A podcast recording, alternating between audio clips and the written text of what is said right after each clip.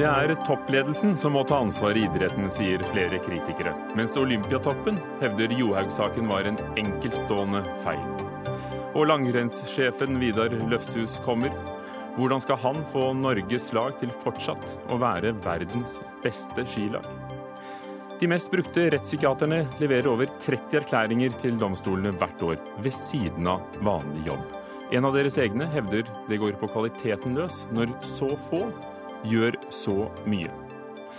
Etter tiår med tomtekrangel, arkitektkonkurranser og utsettelser ble grunnsteinen lagt ned i dag til nytt Munch-museum.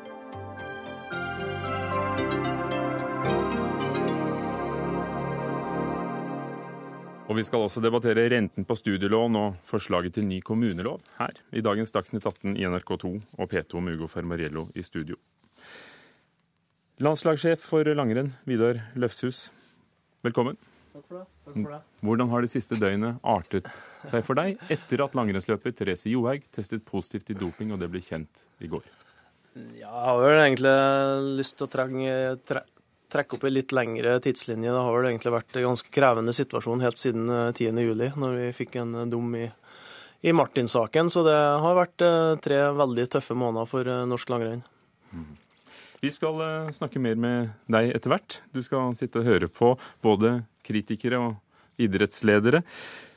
Aller først, reaksjonene har vært sterke fra mange etter det som kom som et dopingsjokk i går. For Therese Johaug testa altså positivt, og, og, dette ses i sammenheng med en krem hun skal ha brukt for en uh, sår leppe. Ikke minst har kritikken blitt rettet mot ledelsen av Skiforbundet. Men i går sendte også Norges idrettsforbund ut en pressemelding der de sier at de nå skal gjennomgå kontrollrutinene for absolutt alle særforbundene. Og vi skal høre hva en av kritikerne, tidligere Høyre-politiker, i dag riksrevisor Per Christian Foss, sa til oss tidligere i dag. Inntrykket du får av eh, ledernes opptreden, er jo at de forsøker å skyve ansvaret nedover.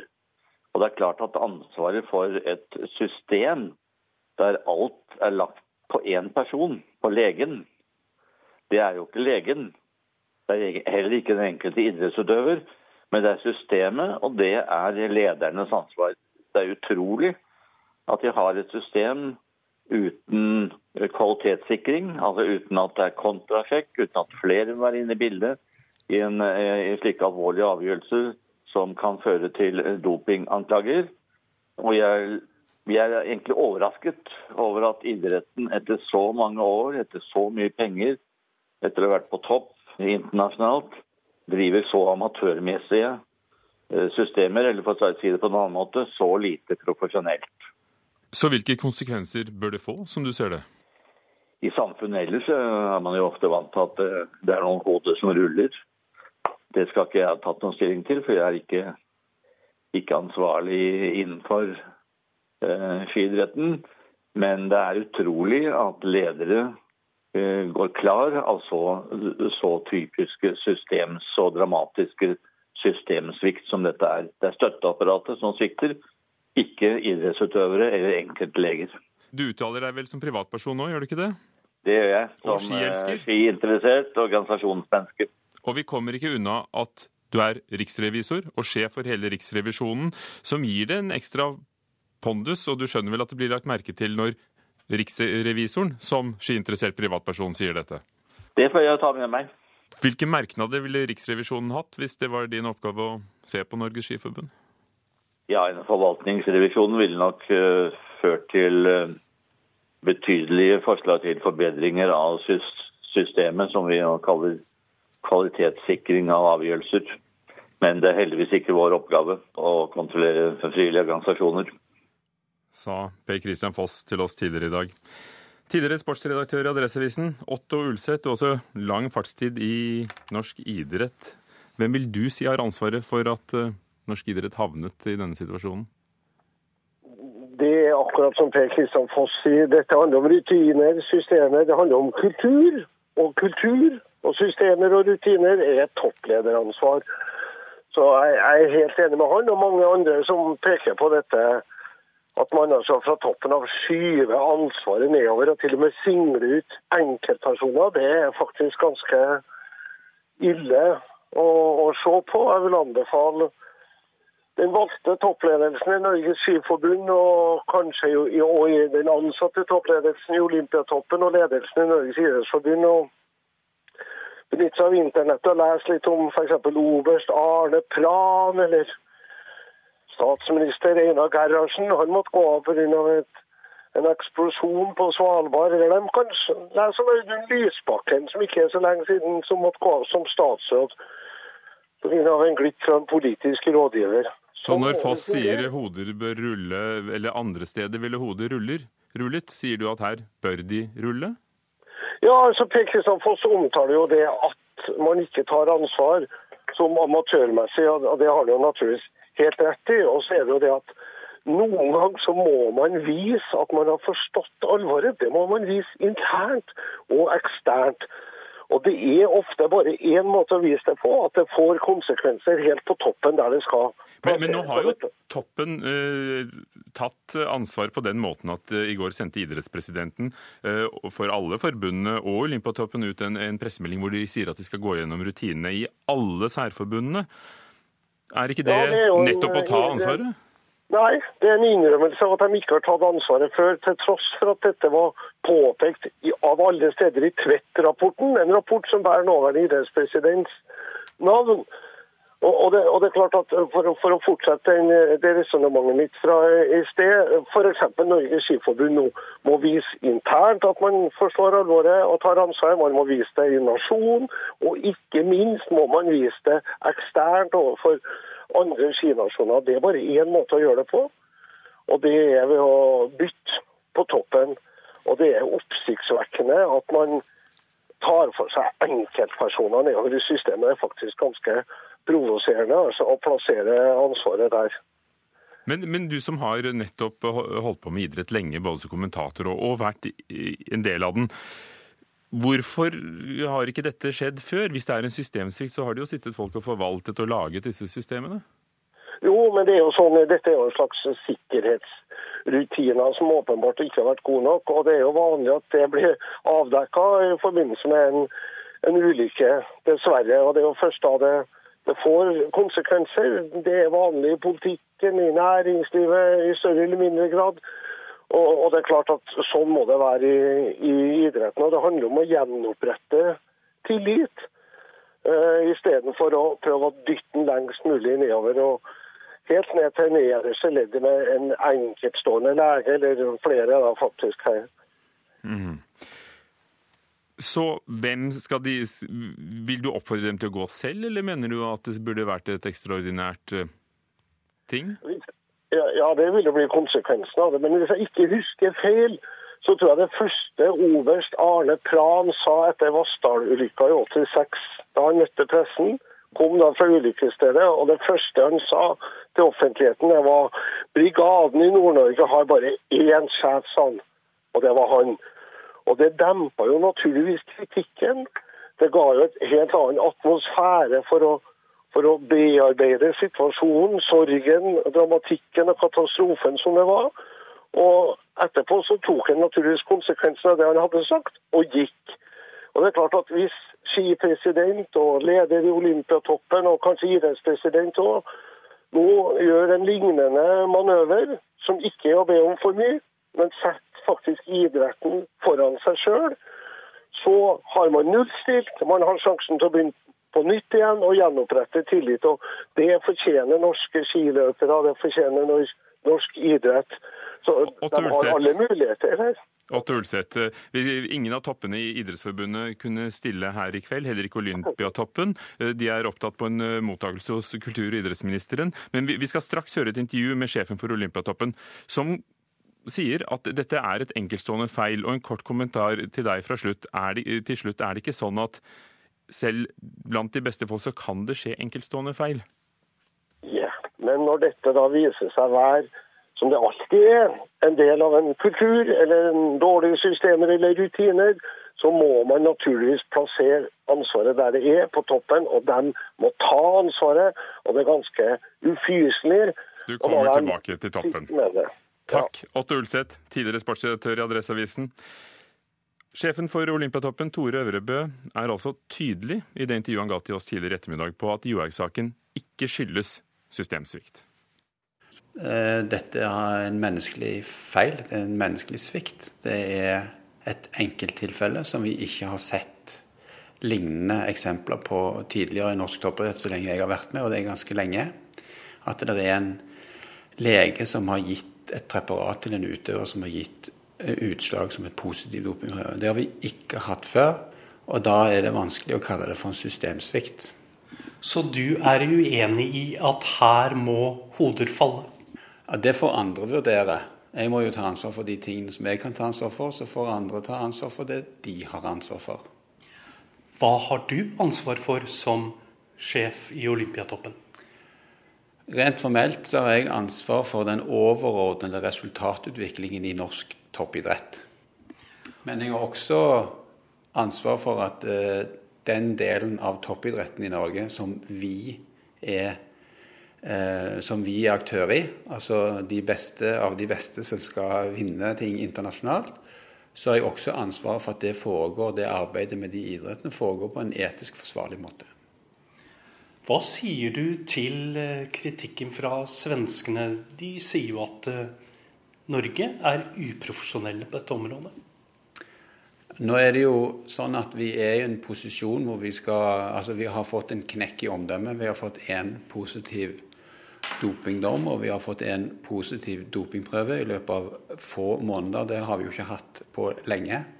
Så det er jo klart at eh, når en så sentral idrett og så sentrale utøvere opplever sånne ting, så går det utover omdømmet til all norsk toppidrett. Så dette tar vi på det ytterste alvor, og vi vil jobbe for å kunne rette opp det inntrykket gjennom å etablere en praksis og holde fast ved en praksis som ikke fører til lignende tilfeller.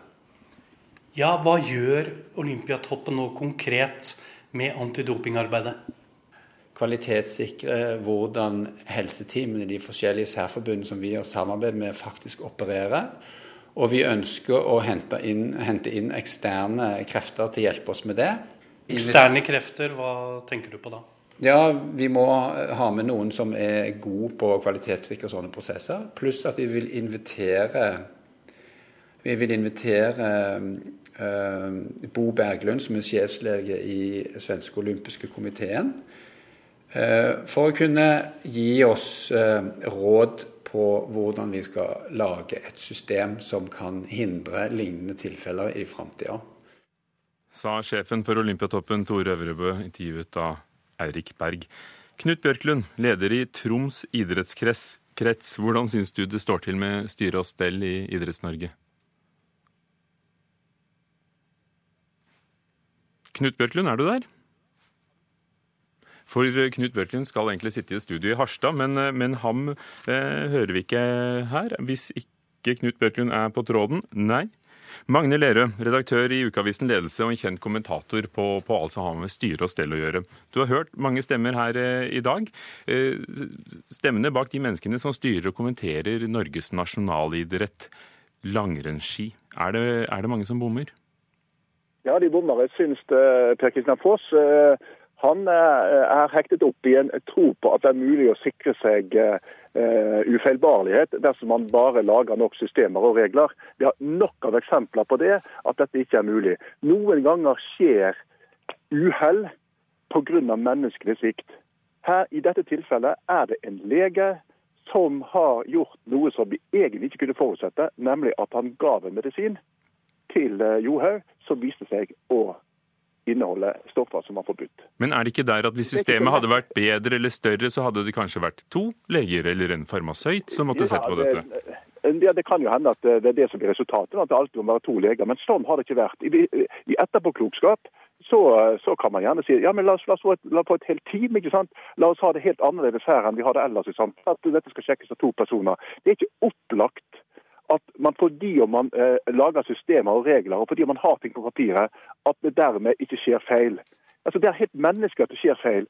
Grunnen til at det har skjedd en feil her, det er jo at denne legen han er altfor sikker i sin sak. Han, han vet at vi ikke driver med doping i Norge. Han er ikke oppmerksom nok. Og Det er den menneskelige svikten som da slår inn. Han kan ikke helt forklare det. At ikke han sjekket dette. her. For Det var liksom ikke hans tanke at denne salven som hun skulle få på leppene sine, at den kunne være. Han, Ma- Han, burde ha gjort det. men, men, men, men om det så er, så er det jo sånn at dette får så stor oppmerksomhet, og, og hele verden, i hvert fall hele Sverige og store deler av verden, er opptatt av det fordi eh, det er så Ja. viktig for eh, mange og for folkesjelen og for, for Norges omdømme utad at kanskje Ja. bedre systemer tross alt kunne unngått en feil som denne, selv om den er forståelig vi- for deg? Vi må gjerne, man må gjerne se om vi kan finne bedre systemer. Nå skal jo hele den medisinske bruken uh, i, i skilandslaget uh, det skal jo undersøkes av et, et uavhengig utvalg. Det kan hende vi kommer opp med, med tiltak som, som kan forbedre det. Ting kan alltid gjøres bedre. Det kan alltid innføres nye rutiner. Men, men, men her i denne saken så er det helt opplagt hva som har skjedd. Vi må ikke lage det sånne mystiske ting om at det er en eller annen ledelse som har sviktet. Legen har sviktet, på samme måte som vi alle kan gjøre svikt. Sånn er livet. Magne Lerøe, vi har, vi har med oss Knut Bjørklund nå, leder i, i Troms idrettskrets fra studio i Harstad. Jeg vet ikke om du fikk med deg hva Lerud sa, men det er altså sånn, sier han, at enkeltfeil kan skje. Det er ganske opplagt hva som har skjedd. Det er ikke nødvendigvis en systemsvikt. Det går ikke an å sikre seg. Hvordan vil du si at det står til med styre og stell i, i norsk idrett? Uansett om det her har skyldtes et uhell, eller om det har skjedd med overlegg eller systemsvikt, så er det likevel et lederansvar. Og det ansvaret tar ikke norsk idrettsledelse innover seg. Men øh, hvordan skulle de gjort det, mener du? Jeg mener rett og slett at de skulle stilt sine plasser til disposisjon. Fordi at det som nå skjer, er særdeles uheldig og typisk for norsk idrett for tida. Allerede før røyken har lagt seg, før vi vet noe som helst, så går norske eh, skikretsledere ut og gir sin fulle støtte til skistyret, skipresidenten og langrennskomiteen. Og på den måten så setter de sin egen organisasjon sjakkmatt. Istedenfor å få organisasjonsballen til å rulle og, og kreve en, en eh, intern oppvask, om så innkalt til et ekstraordinært ting. Du sier det her hos oss. Har du, har du sagt det innad også? Har du krevd det? Ja, for å si det slik at jeg sitter jo ikke på skisida, jeg sitter jo på idrettskretssida og har jo sånn sett ikke mulighet til å innkalle til et, eh, bidra til å innkalle til et ekstraordinært skiting. Men noen Men mener jo at dette går høyere opp enn ski. Det, det gjelder Norges idrettsforbund. Ja, det gjelder Norges idrettsforbund, og den veien vil jeg selvfølgelig ta det. Men også der er det slik, dessverre, at dannetheten og høfligheten går foran ærligheten og oppriktigheten i norsk idrett. Magne Lerøe. Når eh, det er krise, så er hovedregelen at ledelsen må forsøke å gripe inn for å rydde opp i krisen. Hvis det viser seg at man ikke greier det, så må man sette og trekke seg. Man kan ikke begynne med å trekke seg når det påviselig nede i organisasjonen er foregått en feil, og ingen kan påpeke hva denne systemsvikten egentlig går på. handler om. Og stopp- stopp litt der, er du snill, for da- Ukultur er det, er det, det, er det som, som herjer i, i norsk idrett. Det er jo påstand på påstand her. Lerøe. Eh, Det er Bjørklund. Er det, Ja. er det påstand mot påstand? Nei, altså 10. juli fikk vi jo Martin Jonsrud Sundby-saken, som kom som et sjokk innenfor norsk idrett. Der den beste mannlige idrettsutøveren har eh, vist seg å være involvert i ting som utenfor Norge i alle fall blir sett på som en dopsak. Da har vi hatt, Hva har vi gjort i mellomtida? Hvilke rutiner har vi forbedra? Jeg kan ikke si at vi forbedrer en eneste rutine. Skipresidenten utvalg med Skipresident... leger for- Et, et øyeblikk. Ja, ja, men altså det, Bjørklund det, avslutter saken? La Bjørklund få avslutte. Det holder ikke. Er det slik at det brenner mye i våre omgivelser, og tar vi fyrstikken og gjemmer unna bensinkanna? På lang sikt så arbeider vi med brannforskrifter. Her burde norsk idrettsledelse gått inn og gjort strakstiltak. Det vi opplever på TV-en i går, er at skipresidenten han vet ikke om noen rutine. Det vet heller ikke langrennskomiteens eh, leder. Men- men nå- han vet ikke heller om, eh, om, om hvilke rutiner som gjelder. Men nå har de ikke krevd full gjennomgang. Ja, jeg spør hvilke rutiner gjelder for innkjøp og foreskriving bruk av ukjente medisinske preparater? Er de rutinene muntlig? Er de skriftlig? Utarbeidet av hvem? Godkjent av hvem? Det er slik kvalitetsarbeid gjelder i øvrige samfunn. Og det er regulert gjennom både lov Takk. og forskrift. Magne Lerøe, har de ikke vært for sendrektige, som Bjørklund ser ut til å mene? De har ikke vært Altså, på de, banen. var, de, de, var, de, var, de var noe famlende eh, med, med, med Sundby-saken når de kom i gang med den. Men når de først kom i gang, så er det greit det de har gjort. Det de har gjort eh, i, i saken med, med Johaug, jeg kan ikke se hvordan de kan ha gjort noe annet Eh, Man kan ikke mase på at, eh, mase om at man skal med en gang skal folk trekke seg fordi om det skjer en, en krise. Her har den som på en måte tok ansvaret Magne Lerøe. Hvem, hvem, hvem skal trekke seg fordi om, fordi om, om folk maser Takk skal du ha, Magne Lerøe. Ja. Jeg tror vi må si at vi har fått med begge deres synspunkter. Takk skal du ha, Lerud fra Ukeavisen Ledelse og Knut Børklund, leder i Troms idrettskrets.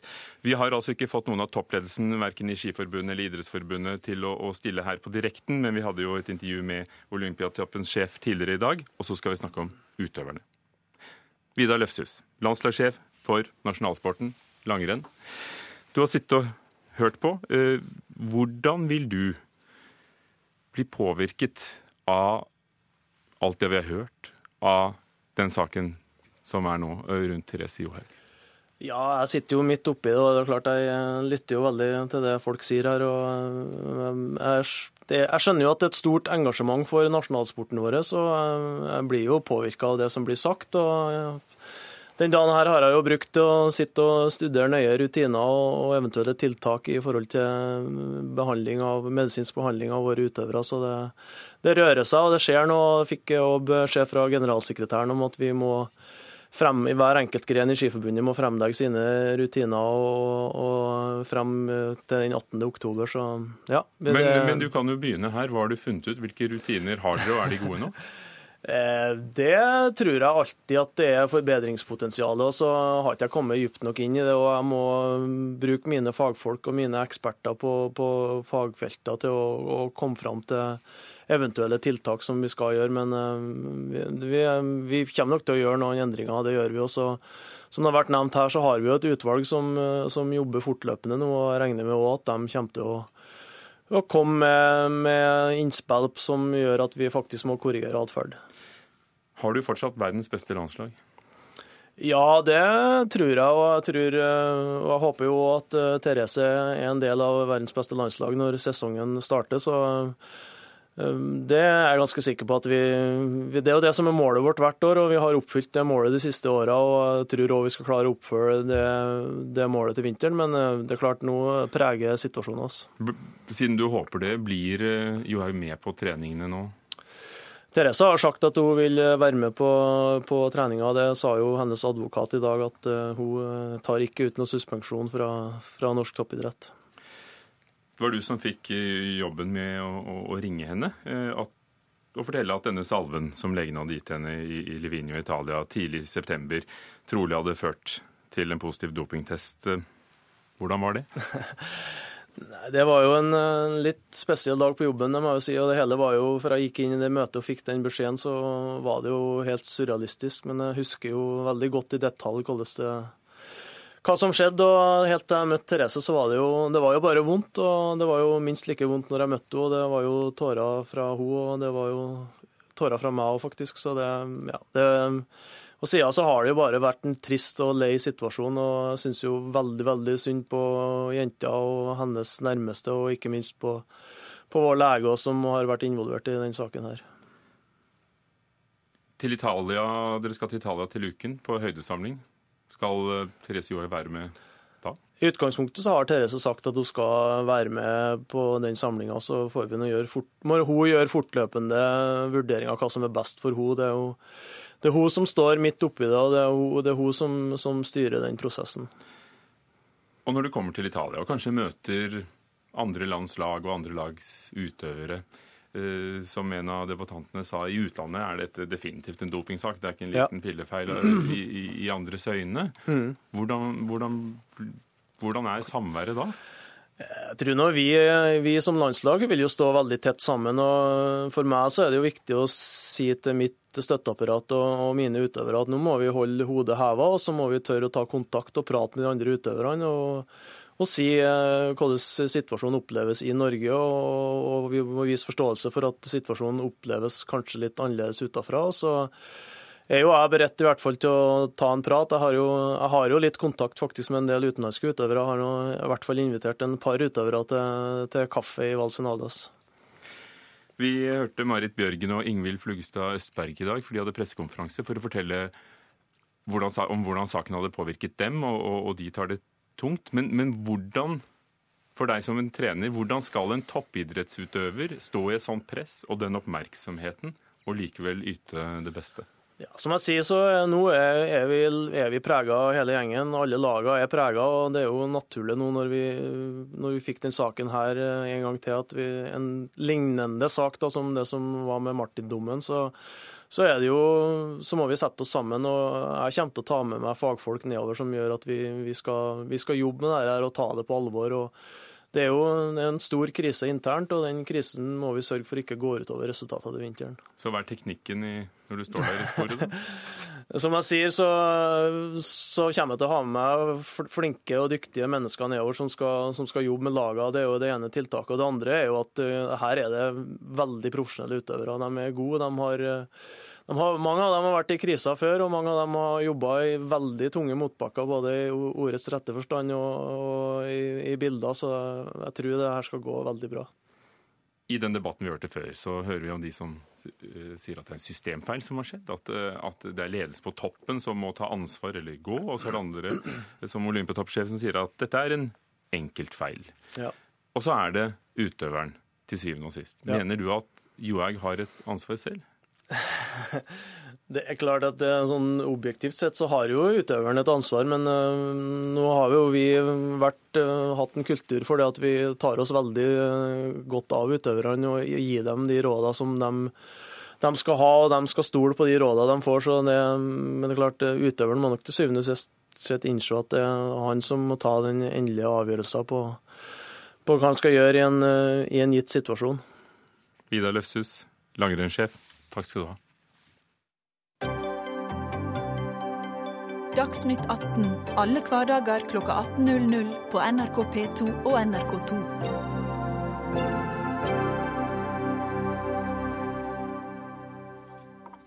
Det er et uh, lite knippe psykiatere som drar mye av lasset i norske rettssaker, og, og, får ganske godt betalt for det, skriver Bergens Tidende denne uken. De tre mest brukte rettspsykiaterne gir i gjennomsnitt over 30 erklæringer hver i året. Og til sammen får de utbetalt for det 6,2 millioner kroner fra domstolene på et år.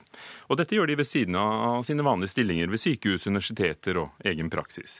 Samtidig har Rettsmedisinsk kommisjon, som går gjennom alle disse erklæringene, funnet vesentlige mangler ved 20% av erklæringene fra de to mest brukte rettspsykiaterne, eller den duoen som, som, gir disse sammen. Dette kommer vi tilbake til. Randi Rosenquist, rettspsykiater selv. Eh, du er ikke blant dem som blir brukt mest, men eh, mannen vi har med oss ved siden av deg her, han gir over 30 erklæringer i året og har 80 jobb ved siden av. Mener du at det ikke går opp? Jeg tror jo at det går an å gjøre veldig mye arbeid i helger og i kvelder og slikt. Men hvis man også må møte i retten, så tar jo det ofte mye tid. Jeg vil tro at en rettspsykiatrisk erklæring sånn i, i, snitt er kanskje et ukeverk. Det er noen som går fortere, og så er det noen som tar veldig mye lengre tid. Og man kan naturligvis gjøre et ukeverk i helgene og på, på, kvelden, men det å møte i retten, det er jo det som har vært det store problemet for rettspsykiatere. Og hvis man har en klinisk stilling hvor man må ha pasienter hver dag og, og ha øyeblikkelig hjelp-funksjon og sånn, så er det veldig vanskelig å få det til. Så hva blir konsekvensen av at det er sånn, tror du? Så jeg syns jo at det er rart at rettspsykiatri er privat entreprise, og har vært det bestandig. Det er ingen som tenker på at rettspatologi er noe man gjør hjemme på kontoret eller hjemme hos folk som er døde. Det er noe som skjer på instituttene og laboratoriene rundt omkring på sykehusene. Og jeg syns det er veldig leit at rettspsykiatri er noe psykiatere er forventet å gjøre på fritiden. Og alle disse spørsmålene hadde vi også da, da lyst til å ta opp eh, f.eks. med Justisdepartementet, eh, eller statsadvokatembetet i Oslo, eller Riksadvokatembetet, men, men, ingen av disse kunne stille i denne debatten, bare så det, det er sagt. Vil du si at denne arbeidsbyrden som noen psykiatere har, går utover kvaliteten på arbeidet? Altså, Det er det ikke jeg som bedømmer. Det er jo f.eks. Den rettsmedisinske kommisjonen som ser på kvaliteten. Og det må være domstolene som ser på om de får det de ber om. Men jeg har jo sett altså Den tiden jeg var leder for Den rettsmedisinske kommisjon, så hadde vi jo noen som hadde 50 erklæringer i året, og hvor jeg hadde inntrykk av at det var veldig mye rutinearbeidet. De, de så erklæringene var ganske greie hver for seg, men de var skrevet veldig mye over samme lest, og det reagerte jeg på den gangen. Tor Ketil Larsen, rettspsykiater. Sammen med Johannes Gaard så utgjør du den mest brukte uh, duoen, skal vi kalle det det, par i Norge. Larsen og Skaar. Uh, det, det, lyder jo bra. Du har en 60% stilling også ved Stavanger universitetssykehus og 20% ved Universitetet i Bergen. I alle dager, hvordan kan det gå opp?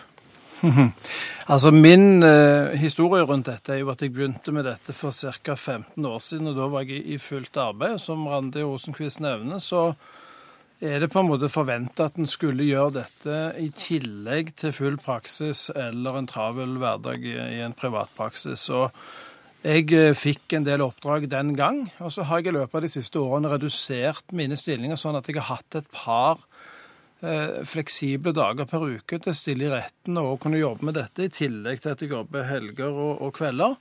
Og da ser jeg jo at eh, antall oppdrag øker. Det tolker jeg som et uttrykk for at det er et behov, altså at det har vært et udekka behov i utgangspunktet. Og Der er jeg helt enig med Randi Rosenquist. Det er merkelig at organisering av dette arbeidet baserer seg på at folk som er i fullt arbeid og har kompetanse på dette, skal gjøre dette i tillegg. For min del har det vært helt nødvendig å redusere på den kliniske stillingen. Eh, og da har det vært overkommelig. Jeg etablerte med et kontor, en fulltidsansatt sekretær og en skrivehjelp, sånn at jeg har kunnet effektivisere arbeidet. Jeg har aldri hatt problemer med å få lagt nok tid ned i de erklæringene jeg leverer fra meg. Men, men hvordan jobber dere som teamet Larsen og Skaar? Hvem gjør hva? Nei, Larsen og Skaar er ikke et team. Det er sånn at Jeg har forska på tidlig psykose i nesten 20 år og skrevet over 100 artikler om det temaet der, og også om eh, tidlig psykoseutredning og dette med rusmisbruk. Skaar er en psykiater som jeg i utgangspunktet ikke hadde noe kjennskap til. Han har lang erfaring, 25 års praksis innenfor rusfeltet. Og det at vi oppnevnes sammen, er i all hoveddrag oppdragsgiver, altså politiadvokater og retten sitt ansvar. Eh, vi supplerer nok en annen i vår, vår, kunnskap, men vi eh, legger vår ære i at vi gjør selvstendige vurderinger sånn som vi skal og skriver erklæringer sammen. Når du refererer til at vi har, at 20% anmerkninger fra Den medisinske kommisjonen ja, Jeg tenkte jeg skulle komme inn på det, for altså Rettsmedisinsk kommisjon har funnet mangler ved 20 av erklæringene ja. hvor dere jobber sammen. Viser ikke det at kvaliteten ikke er god nok, eller hvordan vil du ja, det, kommentere det, det, Jeg skal jo selvfølgelig ikke kommentere på kvaliteten på mitt arbeid, det får andre gjøre. Jeg, ja, Det er det de har gjort, da. Ja da, Nei, det er ikke helt riktig det. Altså, Situasjonen er den at for to-tre år siden så hadde vi noen uenigheter med Den rettsmedisinske kommisjonen når det gjaldt bruk av visse begreper og måten erklæringene ble satt opp. Og Da fikk vi en del tilbakemeldinger i, i en periode. Når jeg har sett på mine erklæringer for de siste årene, altså de 50 siste erklæringene mine, så har jeg fått fire eh, merknader fra kommisjonen. I all hovedsak er det sånn at merknadene de fører til at vi utdyper en problemstilling. Og så skriver vi en tilleggserklæring, og den godkjenner som regel kommisjonen. Så, så Larsen, sånn kort oppsummert, det, det at det går ut over kvaliteten, at, eh, at du jobber mye, det er du ikke enig i? Altså, Jeg kan ikke si om, om, mitt arbeid har god kvalitet. Det jeg har erfart, er jo at når jeg gjør meg tilgjengelig som psykiater, setter av tid til dette, så er det mer oppdrag. Og det opplever jeg at sannsynligvis er et uttrykk for at det er et udekka behov her. Det er mennesker som egentlig burde vært rettspsykiatrisk utreder i Norge, som ikke blir det. Akkurat. Randi Rosenquist, du har selv ledet denne Jeg har ledet den rettsmedisinske kommisjonen i mange år. og Jeg har altså utdannet potensielle rettspsykiatere i, også i mange år. Og det er klart at statsadvokatene, som er de som engasjerer, de har et problem, fordi at de vet ikke hvem som kan gjøre rettspsykiatriske erklæringer. Mm. Og så spør de noen de har spurt før. Men nå er det heldigvis vært et, et prosjekt, forsøksprosjekt i Midt-Norge hvor man skal lage et sekretariat, eller hvor man har laget et sekretariat for fordeling av rettspsykiatriske oppgaver, slik at statsadvokatene kan, komme, kan få et større utvalg av sakkyndige, og dette håper jeg vil gå for hele landet. For statsadvokatene bør jo heller ikke oppnevne to sammen hele tiden. Da... Og Hvorfor er det ikke domstolene som gjør det? Hvorfor jo, skal den ene parten i en sak ja, gjøre det? Helt, det var upresist av meg. Det er statsadvokatene som gjør kontorarbeidet, og så går de til domstolen. Og hvis forsvarer ikke protesterer, så oppnevner domstolen. Der er stikkordet forsvarer, for sett fra den andre siden så har vi med oss Ann T. Bugge, kjent forsvarsadvokat, bl.a. forsvarer i, i Monica-saken som gikk i Bergen uh, nylig. Er du, uh, Bugge, fornøyd med, med jobben rettspsykiaterne gjør? Altså, for å bare si, Når det gjelder inntrykket mitt, så må jeg bare innledningsvis si at basert på egne erfaringer, og jeg har jo hatt et betydelig antall saker hvor det har vært oppnevnt sakkyndige. Eh, men jeg må jo si at jeg lurer av og til på hvorfor. Det som slår meg, er at hvis påtalemyndigheten ønsker å nedlegge påstand om en særreaksjon, altså da tenker jeg på forvaring, så oppnevnes det helt automatisk. Eh, når man erstattet da sikring med forvaring, så var jo noe av formålet var jo nettopp å erstatte den tidligere ordningen med at psykiaterne skulle få mindre makt så lenge det var snakk om strafferettslig tilregnelighet. Og man skulle objektivisere vilkårene. Eh, Mener du at de har for mye makt, er det det du sier? Ja, absolutt. Fordi jeg snakker jo med klienter, og de føler jo, og dette var jo også omtalt i forarbeidene til den nye loven, at de som ble observert, de følte jo at det var psykiaterne som var dommere, og ikke domstolen. fordi, og det kan man jo da slutte, at de la jo, eller domstolene, særlig underrettsinstansene, legger nesten automatisk til grunn det de sakkyndige sier. Og, og at det gjelder... Men, men det er jo knapt psykiaternes feil? Men, Nei, men poenget er jo i dette tilfellet at hvis man da bruker psykiaterne til den bakgrunnen de har, nemlig medisinske utredninger, tilregnelighet, nedsatt bevissthet osv., så, videre, så er det klart at da er man utenfor jussens hjemmebane. Men når det gjelder liksom å se fremover i tid om, om gjentakelsesfare og sånn, så er det juridiske vurderinger som skal foretas. Randi Rosenquist, du er jo selv rettspsykiater. Hender det at dere går litt utover eh, det dere bør eh, snakke om? Altså, Jeg mener jo at vi går besvarer vårt mandat så ryddig som det går an. Men, men advokat Bugge tar feil hvis, når hun snakker med de forvaringsdømte som sier at det er psykiaterne som gir forvaring. For hun snakker da ikke med alle de som blir rettspsykiatrisk observert og ikke fikk forvaring likevel. Så det er domstolene, helt klart domstolene, som bestemmer hvem som skal få forvaring. Når det gjelder hvem som blir funnet utilregnelig pga høygradig psykisk utviklingshemming eller psykose, der ville nok domstolene i større grad lende seg til den rettspsykiatriske ekspertise. Jeg har aldri hørt en domstol si at jeg tror ikke mannen er høygradig psykisk utviklingshemmet. Nå snakket jo jeg, hvis jeg kan få ordet, om de som var til tilregnet. Jeg tok unntak for de som skulle vurderes Det må være et kort ord, ja. Men det, nå er det ikke jeg som har funnet på hva de, hva de innsatte eller observantene sier. Dette fremgår klart av lovforarbeidene at dette var en av formålene med å erstatte den gamle sikringsordningen med forvaring. Det var å redusere rettspsykiatrien. Tror ikke vi skal, vi skal gå inn på på den ordningen som gikk fra sikring til forvaring, men takk skal dere ha, alle sammen. Ann T. Bugge, forsvarsadvokat, Tor Ketil Larsen, rettspsykiater, og Randi Rosenquist, som også er rettspsykiater.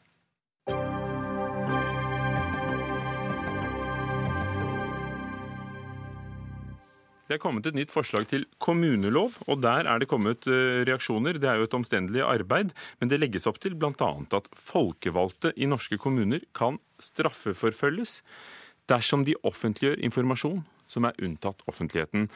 Oddvar Flete, tidligere fylkesmann i Sogn og Fjordane, har ledet utvalget med, med, kommuneloven. Nå skal den behandles politisk. Loven omfatter mye, men vi skal ta for oss det som handler om hva folkevalgte kan gjøre med hemmeligstemplet informasjon. Uh, aller først, hva, hva var det dere ville? Hva var mandatet? Mandatet gikk på at vi skulle gi et bedre demokratisk del, få, mer åpenhet inn. Og eh, vi har eh, ønsket også å styrke kommunestyret sin styrende rolle. Og Hva har dere gjort for å få mer åpenhet? Fordi det vi straks skal høre, er jo at eh, flere, blant andre Redaktørforeningen, mener at dere sørger for det motsatte med det nye lovforslaget. Nå er uh, dette lovforslaget på 387 sider og inneholder mye, men vi legger opp til bl.a. flere åpne møter. Det gjelder f.eks. regionråd og kommunale oppgavefellesskap. Eh, vi legger også opp til å styrke de folkevalgte ved å gjøre skillet mellom administrasjon og folkevalgte tydeligere. Og så er det det at folkevalgte, folkevalgte skal kunne straffes med bot eller fengsel i opptil ett år hvis de eh, offentliggjør eller viderebringer eh, taushetsbelagte dokumenter. Byråkrater skal ikke kunne straffes. Hvorfor denne forskjellen? Nei, Nå er dette det er en betydelig forenkling. Ja, Men da kan du nyansere det. Dette er et tema som er komplisert, og det er mange nyanser. Sett i gang. Eh, det vi starter med, er å si at eh, vi prøver å sikre folkevalgte en vid rett til innsyn i administrasjonens saksdokument.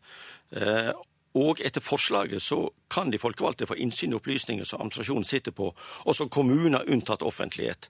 Det innebærer at eh, folkevalgte skal få rett til oppsyn i opplysninger som ikke er oversendt til folkevalgte organer.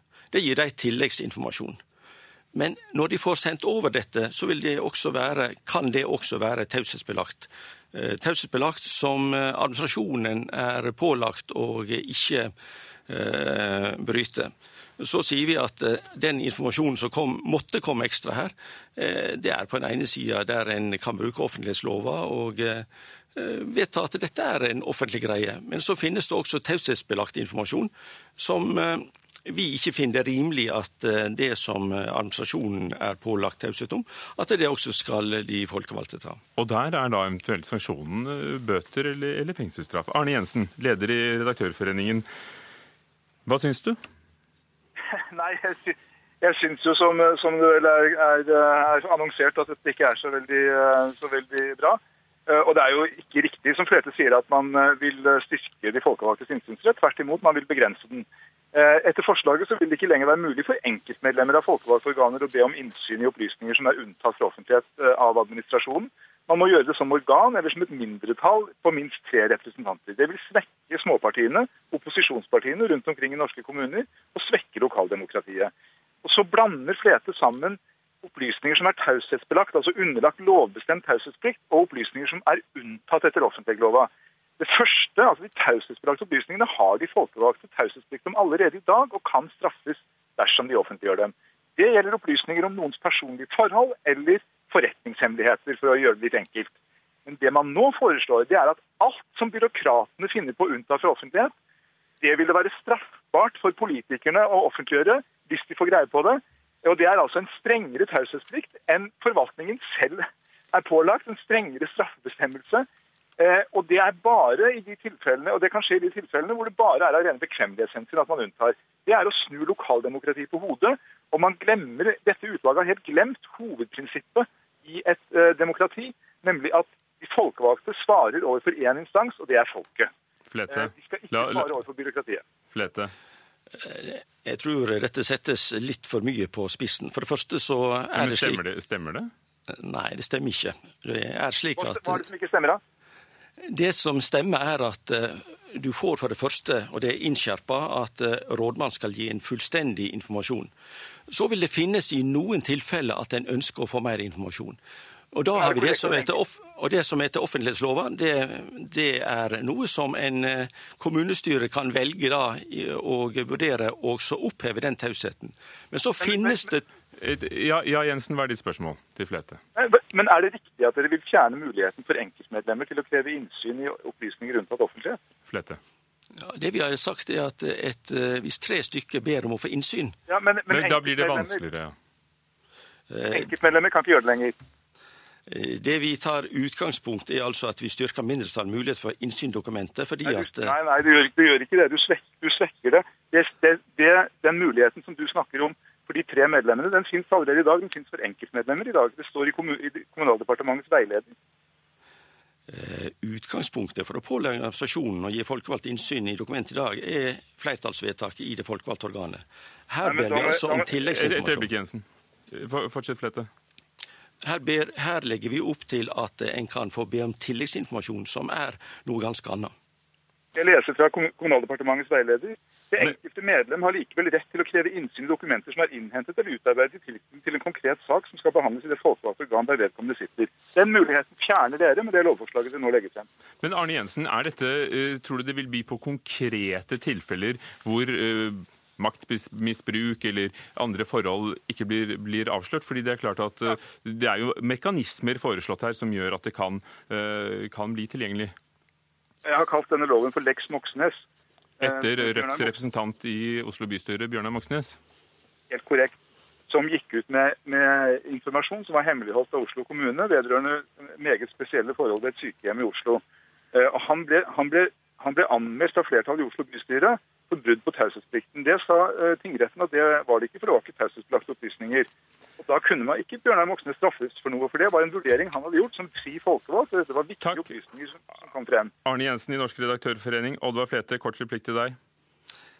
Eh, vi har overhodet ikke drøfta den saka, og den har ikke vært inne i bildet her.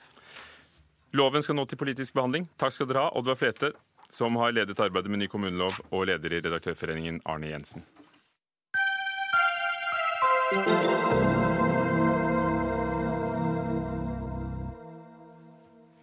Det er et svik mot studentene, og vi frykter at ikke flere tør å ta utdannelse. Det er den klare meldingen fra studentene på at regjeringen vil heve studielånsrenten med 0,35 prosentpoeng. Hvis regjeringens budsjettforslag går gjennom, altså, vil eh, både nåværende og tidligere studenter merke disse endringene. Svein Martin Stenseth, nestleder for studentparlamentet ved Universitetet i Bergen. Eh, du representerer omtrent 15 eh, 000 av dem. Regjeringen svikter kunnskapssamfunnet, sier dere. Kan du begrunne det? Ja, Eh, altså, Om det her er et svik eller ikke, det kommer helt an på om eh, kostnadene av den videre innføringen av måneds studiestøtte framover vil bli lagt på studentene, sånn som den ble i år. Hvis det skjer, så ja, da har regjeringa svikta oss. Men regjeringen innfører jo studiestøtte i elleve måneder. Hittil har det vært ti, og de satser på studentboliger, og de foreslår tilskudd til, til over 2000 nye studenthybler. Er ikke da en litt høyere rente en helt rimelig pris å betale eh, når studentene kommer ut i jobb? Altså, eh, det som du sier, det er helt riktig at vi har fått ei uke ekstra studiestøtte i juni. og Det er jo da et ledd av den elleve måneders studiestøtten som skal komme inn 2020. Problemet er at det er jo finansiert over denne renteauka. Og samtidig så kutter de i stipendordninga. En kutter i reisestipendet til utlandet, og en tar vekk reisestipendet i Norge og Norden. Og Hvis du ser sammenlagt, så eh, kommer studentene ut her eh, dårlig. Det blir dyrere å ta utdanning i Norge. Hvor mye? Hva vil det bety for, for, for deg og dine 15 000 medlemmer i, i Bergen? Eh, en regner med at regjeringen her tar inn rundt 100 millioner mer enn de gir til studentene i den ekstra veka i juni. Takk skal du ha så lenge, Svein Martin Stenseth i Bergen. Kristian Tonning Riise, leder i Unge Høyre, og støtter moderpartiet i, i, i dette her. Regjeringen svikter, sier studentene. Hva sier du? Nei, altså, det er klart Som leder av et ungdomsparti så skulle man alltid ønsket seg å få full pott på ungdomssaker hele tiden, men jeg syns det er eh, veldig rart å ikke mene at dette budsjettet skulle være en, en kjempeseier for studentene. Og jeg syns det er smått absurd å høre at det blir kalt et svik, at man nå skal trappe opp mot elleve måneders studiefinansiering, som vil eh, innebære en økning på 600 millioner til studentene. Det kommer jo på toppen av at vi allerede har eh, økt studiestøtten utover prisvekst, den største veksten på over ti år. Og vi bygger altså i tillegg dobbelt så mange studentboliger eh, i året som det vi lå på under forrige regjering. Og noe av det som skal være med på å delfinansiere det, er altså at mennesker som er ferdig med å studere, og som har gått ut i jobb, og som er i en tilbakebetalingssituasjon, de skal betale noen hundrelapper mer i året i, i, i renteomkostninger. Og det syns jeg er en helt riktig prioritering.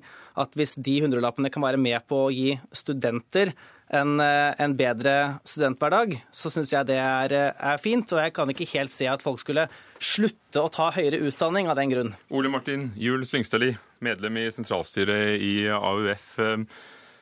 Hva skader det? Noen hundrelapper mer i måneden? Nei, Det som er problemet med forslaget til Høyre her, det er at de gir med den ene hånda, og så tar de med rente med den andre. Men de gir 600 millioner og tar 100 millioner, hørte vi akkurat Tonning Riise si. Ja, Det som er poenget med hele Lånekassen, det er jo at den har et utdanningspolitisk formål. Der har det vært grunnleggende at studierenta skal ligge under markedsrenta. Nå går man altså bort ifra det prinsippet, der man fjerner den muligheten, sånn at det ikke er gunstigere med studielån enn andre lån. Og det er jo det som er poenget. Man fjerner nå er det jeg som snakker, så fjerner man altså det her. Og det er jo det vi ikke ønsker, fordi til prinsippet om at studielånet skal ligge, renta der skal ligge under markedsrenta, det er jo det de nå går bort ifra. For det har jo vært et, et, et sånn ideell fordring, holdt jeg på å si. Det har ligget i bunnen hele tiden, det at den alltid er litt lavere ja, enn markedsrenten. Den skal være under normrente, og det vil den fortsatt være. Men så er det enkelte, enkelte lån som kanskje, vil, som kanskje vil ligge noe under, men du vil jo ikke få noe i nærheten av de betingelsene som du får på, på studielånet i noe annet lån. Og så er det altså sånn at hvis du tar en, hvis du tar en femårig mastergrad Men, men Er det fordi regjeringen har problemer med salderingen av budsjettet at man har gjort det, egentlig? Selvfølgelig er, er et budsjett en, en, helhet, og, her er det, og da vil det være gi og ta på begge sider. Men på det langsiktige her er jo at man skal bruke mange hundre millioner mer på studentøkonomi. Og det her innebærer altså, bare for å ta det, når vi nå får opptrappingsplanen eh, ferdig, så vil det innebære at en som tar en femårig mastergrad, vil sitte igjen med 50 000 mer i løpet av studieløpet sitt i lån og stipend. Mens når man da er ferdig med å studere og skal ut i arbeid, så vil man ut med litt over en 500-lapp mer i året. Sånn som renten er nå. Ja, og, men, renten kan forandre seg. Og kalle, men jeg kaller det altså en 500-lapp mer i året for at en masterstudent skal sitte igjen med 50 000 ekstra lånestipend i løpet av studieløpet sitt, for et, et svik. Hva, det syns jeg er veldig snodig argumentasjon. Hva AUF kaller det? Altså, Jeg skal ikke strekke meg så langt og kalle det svik. Altså, det, det, er flott og fint at man får plass dette her. AUF har jobba lenge for å få 11 måneders studiestøtte. Men så er jo poenget her at Høyre har åpenbart lovt mer enn de kan holde. Derfor så salderer de på studentene. De gir med den ene hånda, og de tar med rente med den andre. Det er jo det som de er poenget. De tar med rente, men med veldig lav rente, fordi det går opp med 0,35 prosentpoeng. Og vi har jo historisk lave renter. Og, og studielånet er da fortsatt veldig fordelaktig i den forstand at det er lett å få utsettelse, det blir slettet hvis du dør. Eh, det er en mengde fordeler knyttet til den type lån fremfor et banklån. Ja, helt åpenbart. Altså, det er det jo. Men så er jo altså, hele hovedprinsippet er og har vært det skal ligge under den renta som er. De går bort ifra det, og det ønsker ikke vi. Fordi at vi ønsker... Men Er det prinsippet eller det praktiske? Ja, det, det, det er prinsippet, men det vil jo også vise seg i det praktiske. Jeg må jo si en ting, at jeg syns dette voldsomme engasjementet nå fra Arbeiderpartiet og AUF om studentøkonomi Og studentene, litt, hørte. Jo, men er litt eh, altså Nå var det konkret til, til Arbeiderpartiet, er litt lite troverdig. I alle de årene dere satt i regjering, så var, sto altså studiestøtten bom stille. Nå har vi altså først kommet med den største økningen på ti år. 3400 kroner ekstra sitter studenten nå igjen med etter at vi har økt eh, studiestøtten utover prisvekst. Så skal vi nå på toppen av det trappe opp til 11 måneders studiefinansiering. Det er et voldsomt løft for studentene. Og i tillegg bygger vi altså dobbelt så mange studentboliger, som også gjør at flere studenter får ja, ja, rimelige boliger. Jo, men da mener noe annet enn at jo. dette her, er et budsjett som vil gjøre at mange studenter i Norge både vil få bedre råd og vil få en billigere bolig. Det er det faktisk umulig å argumentere for. Brutt en magisk uh, grense? Er det ikke viktigere for dere også å kjempe for betingelsene til lån og studiefinansiering, ikke akkurat det, det at det skal ligge akkurat der i forhold til normerenten? Jo, altså Det er jo helt åpenbart at det, det her handler om hvordan, altså Det har et utdanningspolitisk formål. Men samtidig så må vi da ta med her at de kutter i reisetillegget i Norge og Norden. De kutter i reisestipendet. De salderer internt, så det vil si de gir litt, men så tar de med den andre hånda. Du, du nevnte det, det, men betyr det at den grensen på hvor renten skal ligge i forhold til bankrettene, den er, den er helt urørlig for deg? Ja, vi mener prinsippet, altså Dagens prinsipp er hvor, hvorfor, beste, den, hvorfor, er det den riktige? Jeg skal, jeg skal, si det, Dagens prinsipp har vært beste boliglånsrente minus 0,5% Den skal ligge under det som er den beste renta i markedet. Man går bort fra det prinsippet. Det mener vi er feil, fordi at det kan gi svingninger på sikt. Det ønsker ikke vi. Men De inndekningene som man gjør nå, det er altså langt mindre enn det vi skal bruke totalt på å styrke studentøkonomien i, i årene fremover. Eh, og det er altså sånn at Et budsjett er gi og ta, men realiteten er altså at vi nå har den største satsingen på studentøkonomi som det noen regjering har hatt i Norge. Ja, men så er det jo da litt rart at når du har et budsjett hvor du bruker rekordmye oljepenger, så skal du saldere internt på disse her, og så skal du spise opp de små skattekuttene vanlige folk til vanlig på å betale enda mer rente på studielånet ditt. Det mener vi er helt feil vei å gå. Dere blir vel ikke enige nå? Nei, jeg blir antagelig ikke det. men jeg Likevel, Faktum er likevel sånn at det er denne regjeringen som har sørget for at vi nå eh, endelig får på plass 11 måneders studiestøtte. Og det har dere også jobbet for. På Takk skal dere ha. Kristian Tonning Riise, leder i Unge Høyre, og Svein Martin Stenseth, leder for Studentparlamentet. Hør Dagsnytt 18 når du vil. Radio NRK Radio.nrk.no.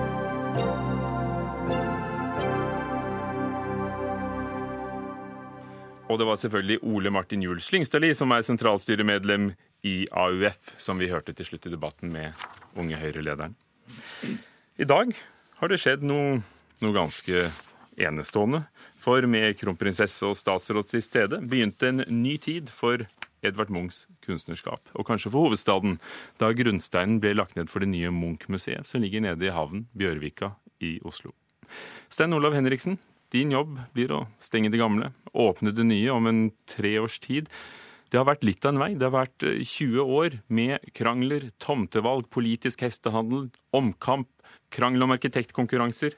I dag gikk skrinet med det rare ned. Hvordan var det? Det var en fantastisk dag. Etter alt det vi har vært igjennom som du beskriver, så har det vært en, en, virkelig stor dag å se at vi nå har kommet så langt at vi setter ned denne milepælen. Grunnstenen i det nye Munch-museet i Bjørvika. Noen så det kanskje si på det... Dagsrevyen. Det er jo ikke en hvilken som helst grunnsten. Det er altså et slags evighetsskrin, forseglet. Ja. Ja. Hva ligger i det? I det skrinet så inviterte vi da Munch-kommunene, steder som Munch har arbeidet og, og bodd, til å komme med noe symbolsk fra de stedene. Slik at de åtte kommunene rundt Oslofjorden, inklusivt Oslo, hvor Munch har hatt sitt virke, eller hatt en tilknytning, de legges, det legger da et symbolsk gave ned i denne grunnsteinen. Og brosjen som tante Inger bar, som vi aldri får se igjen. Ja, det var tante Karen. Tante Karen, hans andre mor. Beklager. Eh, nei, altså, Det var veldig flotte ting, og det skaper en forbindelse selvfølgelig til historien og til Munch og til de stedene han har virket og, og, og bodd. Det nye museet er jo det huset som eh, heter Lambda, selve huset. Med, med, med, å Si Lambda. Vi, ja, men, men, det arkitektkonkurransens vinner het Lambda, ja. eh, og mange vil da få fremkalle et bilde av dette huset med knekk på toppen. Ja. Men det blir Munch-museet, og det blir Stenersen-museet, og hva vil det bety for dere som museum? For det første så er det sånn at ingen museer er bedre enn sin samling. Vi har en fantastisk samling på Munch-museet med 28 000 kunstverk av Edvard Munch, i tillegg til 1000 kunstverk av andre kunstnere, hovedsakelig fra Rolf Stenersens gave. Det gir oss en enorm mulighet til å samarbeide med museer over hele verden. Det gir oss en veldig sterk posisjon i internasjonalt kunstliv. Eh, med det nye museet i tillegg, med den infrastrukturen, det er fire og en halv ganger større enn det vi har i dag, så kan vi lage mye mer eh, utstillinger med, med, den samlingen vi har. Men vi kan også samarbeide med andre museer, hente inn utstillinger og kunstverk fra resten av verden som vi ikke har vært mulig å hente til Oslo tidligere, rett og slett for at denne samlingen er så attraktiv. For, for dere andre. har jo hatt nå en serie gående. Den siste åpner nå, i kveld. Ja, I, I, serien Pluss Munch. Nå er det Asker Jorn, den danske kunstneren, sammen med Edvard Munch. Et samarbeid med Kanika-samlingen til Stein Erik Hagen og, og Jornmuseet Silkeborg i, i Danmark. Og så har dere ikke minst hatt van Gogh, Vigeland, Bjarne Melgaard går. For det er en sterk valuta, det, å ha mye Munch når dere vil låne inn van Gogh og annet. Vi kan gjøre egentlig hva som helst. Med den samlingen kan vi samarbeide med hvem som helst. Vi kan få til Norge hva som helst. Men er det ikke det å dra fokus bort fra Edvard Munch? Fordi eh, gjør dere dette for museets skyld, for dere har dratt mye publikum på det, eller gjør de det for Edvard Munchs skyld? Nei, altså Vi hadde lyst til å utforske oss selv litt. Eh, når vi nå skal ha et nytt museum, så må vi drive litt eh, forskning. Vi må se hva kan vi gjøre. Vi har én arena på Munchmuseet i dag, på Tøyen. Vi får syv arenaer i det nye Munchmuseet i Bjørvika. Så vi hadde lyst til å se litt hva kan vi gjøre. Hvordan kan vi jobbe med denne samlingen? Hvordan kan vi skape et enda mer interessant kunsttilbud i Oslo? Og hvordan kan vi ikke minst sette andre perspektiver og ny erkjennelse rundt Munchs, Edvard Munchs kunstnerskap? Interessant kunsttilbud, ja. Men men når du da får inn Bjarne Melgaard eller van Gogh eller Aske Jorn som åpner i dag, så blir det jo mindre Edvard Munch. Nei, det blir mer Edvard Munch. For det første så har vi jo da for det, en seks-syvdobling av det lokale publikummet, i tillegg til en økning av det internasjonale publikummet. Eh, vi, å, vi, har mye flere utstillinger i utlandet enn det vi har hatt. Nesten en tredobling av internasjonal aktivitet over de siste årene. Altså Det blir mye mer Munch på alle måter, for det blir også mye mer interessant å se Munch i lys av nye perspektiver. Men du, det nye museet. Nå har dere 175 000 eh, besøkende i år, ser det ut til. Ja, det dere sånn. planlegger med 500 000. Men hvordan skal du få råd til å drive det? For det krever flere folk og, og mer av alt. 500 000 er det vi budsjetterer med. Men kan det du gjøre regning med det? På. Eh, vi kan ikke gjøre regning med noe som helst, men vi er veldig godt i gang med å komme den veien og komme i mål med det. Jeg er ikke engstelig for det i det hele tatt. Jeg ser på hva som skjer rundt i verden nå, med ulike museer som har voldsomt bra besøk, så kommer vi til å klare det. Det er jeg ikke engstelig for. Når det gjelder økonomien, så må man huske på at dette her først og fremst er jo en investering i byens kulturelle kapital. I å skape en bedre by. Stein Olav Henriksen, i dag ble grunnsteinen lagt ned til nytt Munch-museum. Takk skal du ha for at du kom til Dagsnytt 18. Takk skal dere ha, vi får gratulere oss. Lisbeth Sellereite var teknisk ansvarlig. Ingebjørg Sæbø, produsent, og Ugo Fermarello, programleder. God helg, og takk for oss.